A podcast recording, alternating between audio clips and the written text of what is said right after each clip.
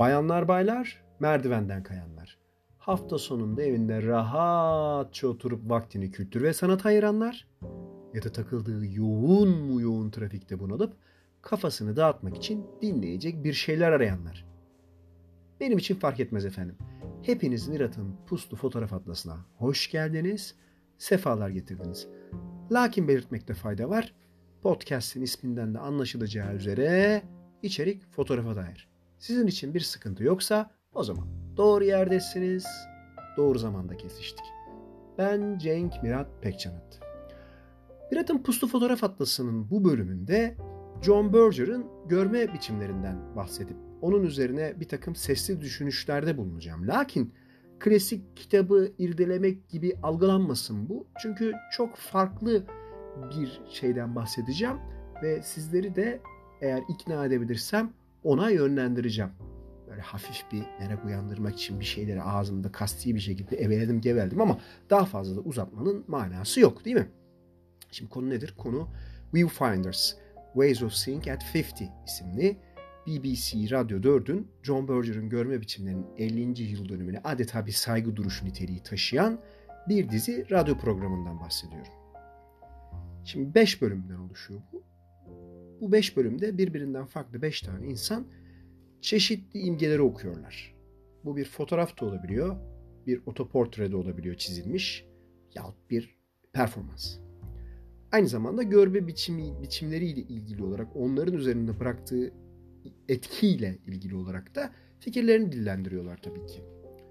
Şimdi malumunuz demeyeceğim bileni var bilmeyeni var ama bilenleri hatırlatmak bilmeyenlere de bilgi vermek açısından BBC iki tarafından yayınlanan görme biçimlerinin yayın tarihi ilk olarak 1972. Yazar John Berger ve yönetmen Mike Dibb'in bir ortak çalışması olarak hayata geçiyor. Ortalama yarımşar saatlik 4 bölümden oluşuyor. Dile kolay ya. Hakikaten yani totalde 2 saati bulan bir yayın üzerinden görme biçimleri hakikaten e, yani nesilden nesile belki interaktif, etkileşimli bir şekilde bir takım şeylerin yer değiştiği, fikirlerin tamamıyla kökten değiştiği etkiler yaratmakla birlikte varlığını ve etkinliğini sürdürüyor. Happy Top'u 2 saatlik 4 bölümden oluşan bir yayın bu. E peki neyin nesiydi? Yine hatırlatmak ya da bilmeyenlerin bilmesi açısından söylüyorum. E, bu dizi boyunca John Berger sanata ya da spesifik bir sanat eserine nasıl baktığımızdan ve bunun neden önemli olduğundan bahsetti. E, kısaca gördüklerimizle bildiklerimiz arasındaki ilişkinin asla kararlı bir hal alamayacağını söylüyordu ki işte bu podcast içeriğini benim oluşturmama sebep olan itki de böyle ortaya çıktı. Ben biraz sonra bir şahsın, bir fotoğrafçı ve onun fotoğrafı hakkında dile getireceği bu içeriği dinlemezden evvel de bir başka noktadaydım ama e, fotoğrafçıya karşı açıkçası pek de olumlu olmayan bir ne bileyim peşin hükümlülüğüm vardı itiraf etmem gerekirse. Sonra baktım ki aynen kısaca John Berger'ın ifadesini de biraz önce dillendirdiğim gibi gördüklerimle bildiklerim arasındaki ilişki kararlı bir hal almıyormuş. İyi de yapıyormuş. İlerledikçe bu cümlenin daha da yerine oturacağını ümit ederek son olarak birazcık da belki buna dair ipucu vermek üzere John Berger'ın ifade olarak şunu eklediğini program içeriğinde söylemek istiyorum. Bir tekil şey ya da birçok şeyi görme şeklimiz bildiklerimizden veya neye inandığımızdan doğrudan etkilenir diyordu. İşte size bir de ipucu bıraktım. Şimdi işin aslı her görüntü yeni bir görme biçimini doğasında barındırıyor. Fakat o görüntüyü algılamamız ya da değerlendirmemiz aynı zamanda kendi görme biçimimize de bağlı. Yani bir şey, bir görsel üretilip önümüze serildiğinde, koyulduğunda bizim belirli bir ruhi halde, belirli bir yaşamsal dönemde ya da bir ruhi halde olmamıza bağlı olarak üzerimizde yarattığı etki de değişiyor. Düşünün aynı görüntü farklı bir duygusal koşulda, hayata dair yaşanan bir dönemde dünyanın konjonktürüne bağlı belki de bambaşka bir sonucu gözlerimizin önüne serebiliyor. Neyse nihayetinde bu serinin popüler sanat eleştirisi anlayışının ve görsel kültürün üzerine çok ama çok bir takım da etkileri oldu. Aslında bölümlerin Walter Benjamin'in mekanik yeniden üretim çağında sanat eseri hakkındaki fikirlerini etüt ettiğini de eklemem lazım. Yani nü kadın ve erkek bakışı, yağlı boya tablolar, statü ve mülkiyet, reklam, reklamcılık, sanat, ticaret, ticarileşen şey, meta, bunların arasındaki ilişkilerin de okuması yapılıyordu.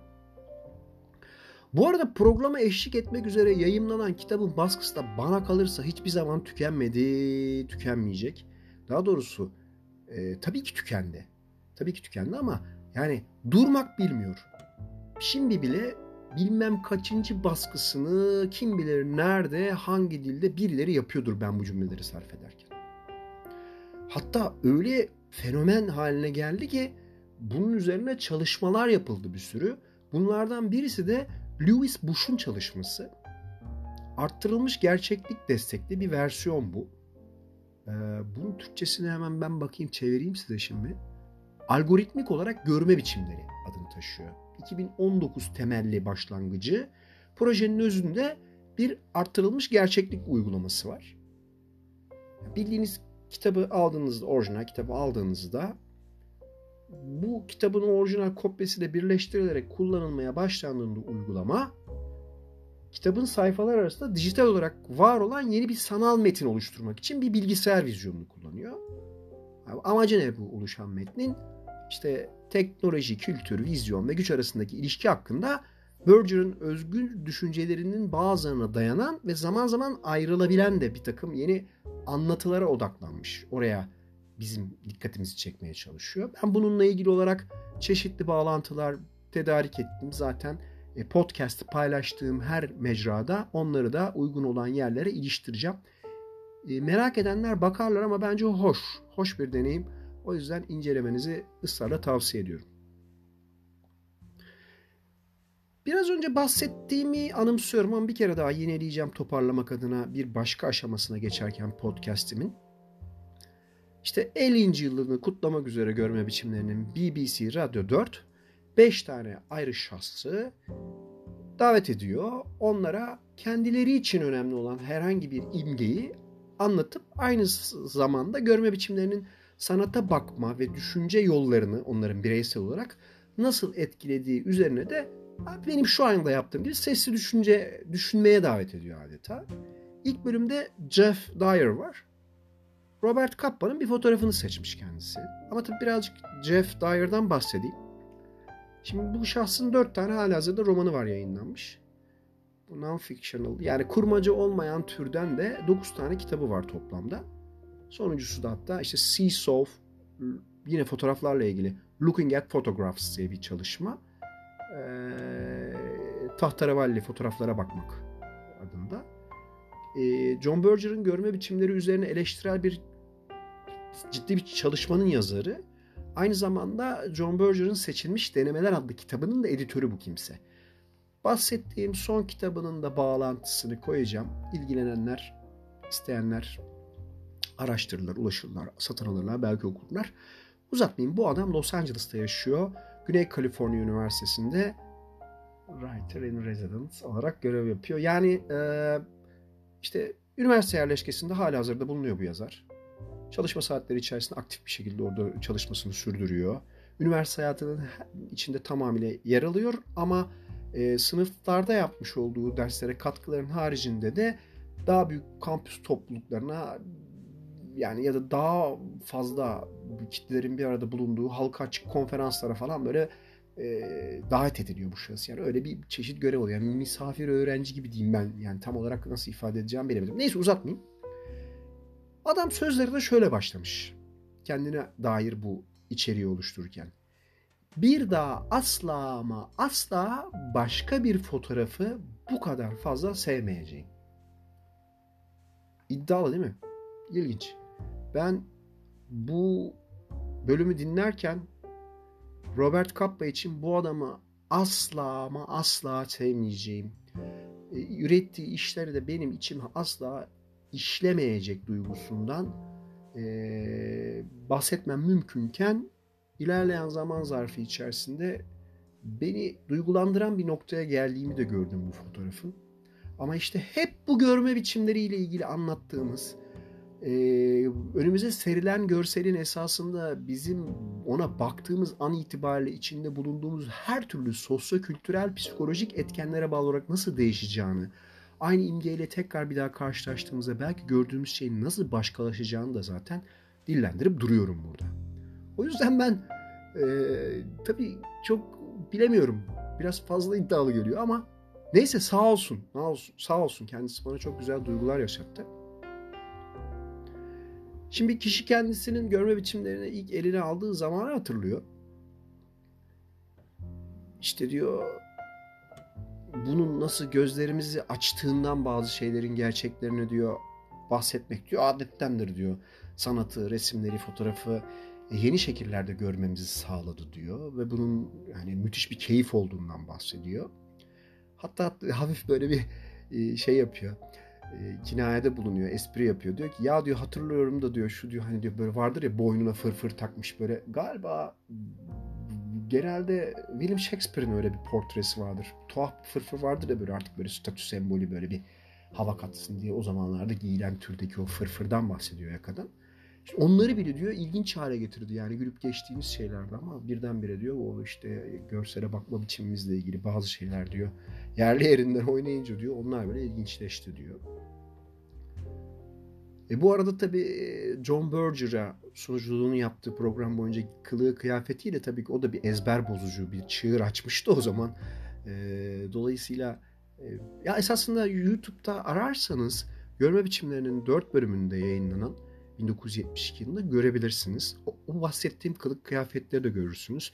Ya John Berger zaten egzantrik, çok değişik bir adam. Tatlı, eğlenceli de bir tipe benziyor. Ben bizzat tanışmadım. Lakin öyle bir enerjisi var. Yani ne kadar ciddi bir işi, ne kadar farklı bir rahatlıkla yaptığını görerek de izlemek de çok hoş. Sonuçta bu görme biçimleri kitabında e, sizin algılayabileceğiniz bir gerçeklik olmanın dışında. Her neyse.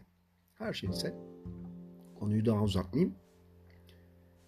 Şimdi tabii ki cart diye hemen fotoğrafı değerlendirmiyor ya da okumuyor dair.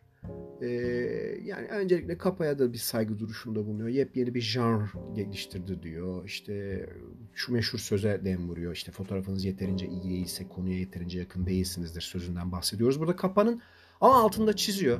Ee, iyi de çiziyor çünkü ben ülkemizde bu öz değişi ya da ne bileyim söylemini e, Kapa'nın çok yanlış anladığını hissedip görürken esasında bir cümleyle her şeye çok açıklık kazandırıyor Dyer burada. İşte diyor ki burada diyor santimetrelerden bahsetmiyoruz diyor. Yani burada konuya ya da olana, gözümüzün önünde olup cereyan eden şeyin gerçekliğine olan yakınlıktan bahsediliyor diyerekten belirtiyor sağ olsun. E ister istemez olmazsa olmaz, kambersiz düğün olmaz. Robert Kappa'dan bahsederken de düşen askerden bahsetmeden, o fotoğraftan bahsetmeden olmaz e, her ne kadar benim üstüne gül koklamayacağım fotoğraftır bu fotoğraf dese de Robert Kappa'nın bu fotoğrafı için e, Dyer e, fanatik bir e, savunma şeyinde değil. Noktasında değil. Kappa'nın düşen askerini gayet tarafsızca bilinen, konuşulmuş olan her şeyin şöyle rafine bir şekilde bir cümleyle ifadesinden bahsediyor. Gelelim fotoğrafın kendisine şimdi. Dyer'ın seçtiği fotoğrafta bir tane bisikleti gidonlarından kavrayarak yol boyunca hareket ettiren bir kadın görüyoruz. Onunla yan yana yürüyen bir asker var. Biraz biraz yandan ve de arkalarından görülüyorlar. Belli ki ne kadar siyah beyaz da olsa fotoğraf mevsimlerden yaz. Kırsaldalar, kırsal arazide tozlu topraklı taşlı bir yol üzerinde ilerlemekteler. İkisinin de yüzleri hiç görünmüyor görülmüyorlar demiyorum. Çünkü görmek için ne kadar can atsanız da siz deyin konumları ben diyeyim kadının o koyu ve gür saçları, koyu renkli ve gür saçları görülmelerini engelliyor. Vücutlarının duruşları ve temaslarından bir duygusal ilişki içerisinde olduklarını farz etmek hiç de yersiz olmaz diyor Dyer. Ben kendisine katılıyorum. İlk başta bu fotoğrafı kendisi bir kartpostal formunda, formatında görmüş. Arkasında bir yazı. Savaşın sonunda bir İtalyan asker 1943 Sicilya. Maalesef birçok yerde olduğu gibi tırnak içinde kadının adı yok orada. Yani görselinde mevcut olan şey caption dediğimiz ya da resim altı dediğimiz cümlede alınmaya değer görülmemiş. Belki bir gaflet.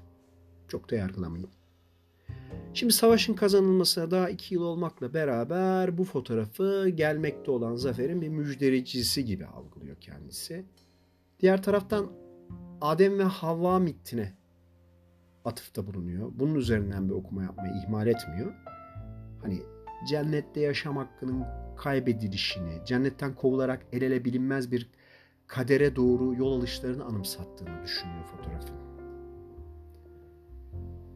Ah, hala o kaderin sonu nedir bilinmez tabi. Sırayı onlardan günümüzde bizler devraldık ve o kaderin sonuna kadar ömrümüz el verdiğince yürüyoruz, yürüyeceğiz. Nihayet vakit geldiğinde de bizden sonra gelenler bayrağı devralacak. Bakalım kaderin sonunda ne olduğunu onlar görebilecekler mi? Neyse uçtum biraz. Dyer fotoğrafı daha sonra ikinci kere gördüğünde bu Robert Robert Kappa'nın çalışmalarının içinde yer aldığı bir fotoğraf albümünde. Fakat bu sefer farklı bir altyazıyla görüyor görseli. Ee, işte Nikosya, Sicilya yakınlarında bir yer burası. Nikosya, Sicilya yakınları yazıyor. 28 Temmuz 1943 diye daha spesifik bir tarih var. Ve esir kampına doğru yürürlerken İtalyan askeri ve bisikletli kadın yakalanan yoldaşlarını takip ediyor yazıyor bu sefer görselde. Bakın şimdi. Enteresan. Tabii bu çok spesifik bir bilgi. Peki hangisi doğru? Hangisi doğru olursa olsun bence esas önemli olan her iki iddianın da gerçek olduğu koşulların dışında Kapa bu çifti çevrelerinden izole etmiş ve ederek bambaşka bir şey anlatmış esasında.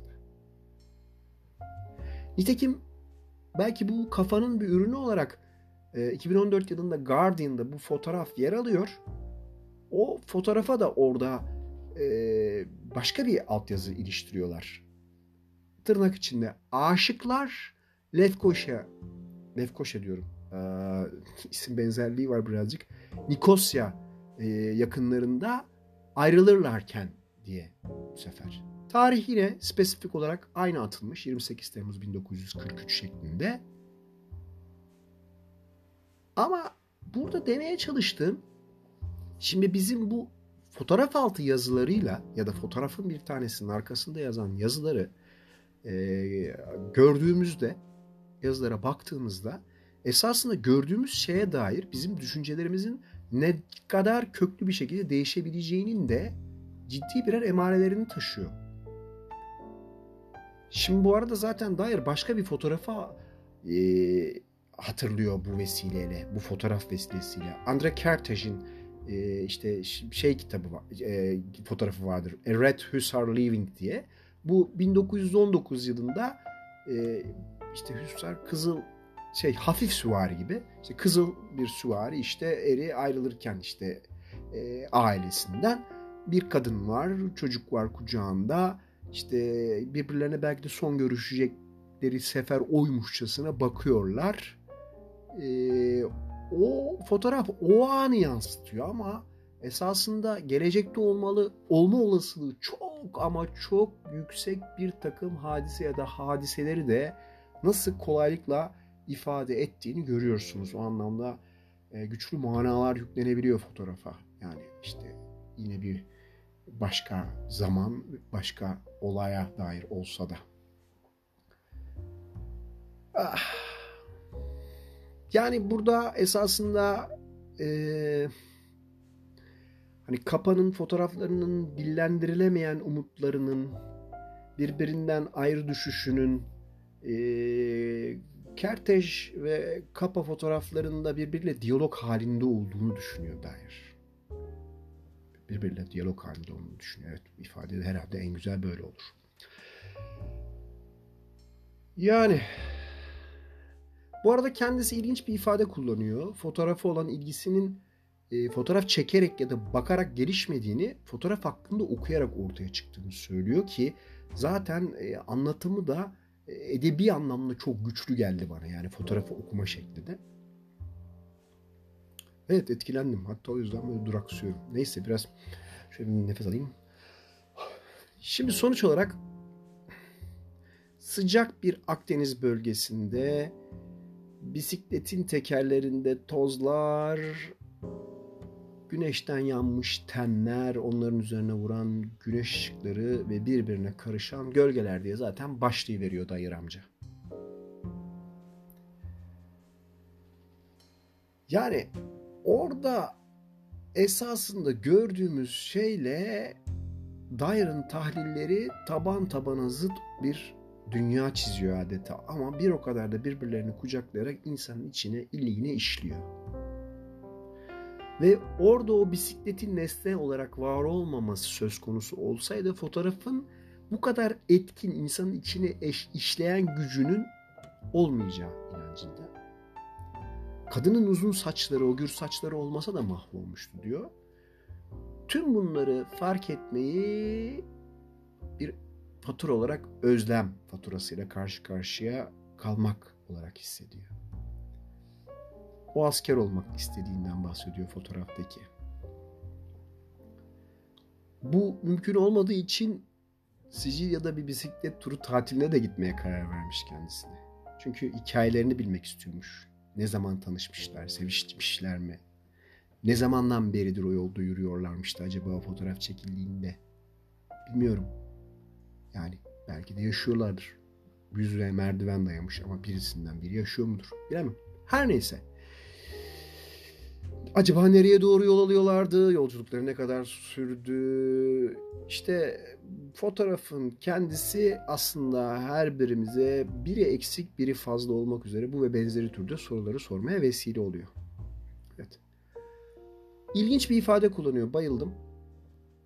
Dikkatle bakıp fotoğrafı dinlediğimizde esasında bu soruların birçoğunun en azından bizim cevabı olduğunu inandığımız şekilde cevaplanacağını söylüyor. Hoş değil mi? Yani bir fotoğrafa bakıyorsunuz dikkatli ve kulağınızı ona kabartıyorsunuz. O size bir şeyler fısıldıyor. Ama ne kadar yol alacakları umurunda olmayan iki tane insanın varlığı apaçık. Farkındalık zilim bu arada korsan yayın olarak araya girdi ve bu kaydın içerisine dahil oluyor. Bu kadar anlatmışken bu anlatıyı bölmemek adına affola diyorum ve devam ediyorum müsaade ederseniz. İlginç oldu ama ne yapalım? Şimdi sonuçta bu iki insan için önemli olan yolun ne uzunluğu ne de e, menzilini ne kadar süre alacağı. Çünkü orada önemli olan şey o anda, o durumda yan yana durmaları. Belki uzun bir süreden beri fiziksel olarak yan yana o şekilde gelmiş değiller. Olmamışlar belki de. Şimdi bir süre sessiz sessiz yürümüşlerdir belki.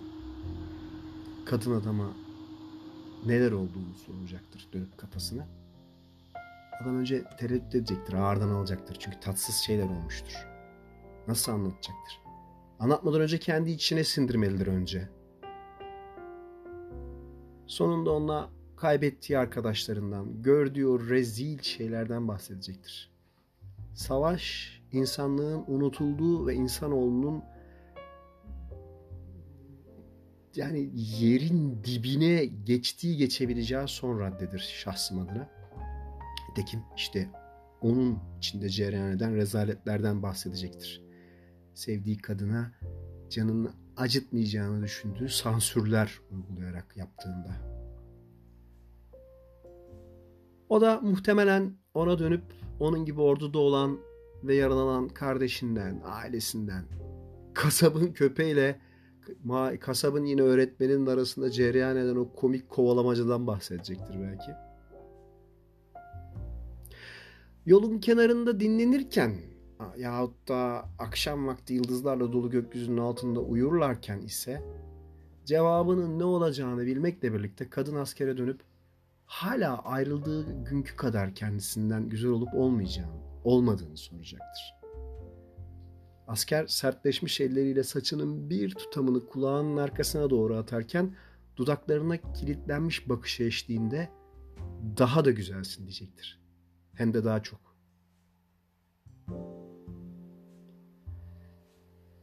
Belki de İtalya'nın yenilgisini, savaşın gelecekte sonlanmasını konuşacaklardır ama şimdi değil. Şimdi değil. Çünkü şimdi sevişme vaktidir.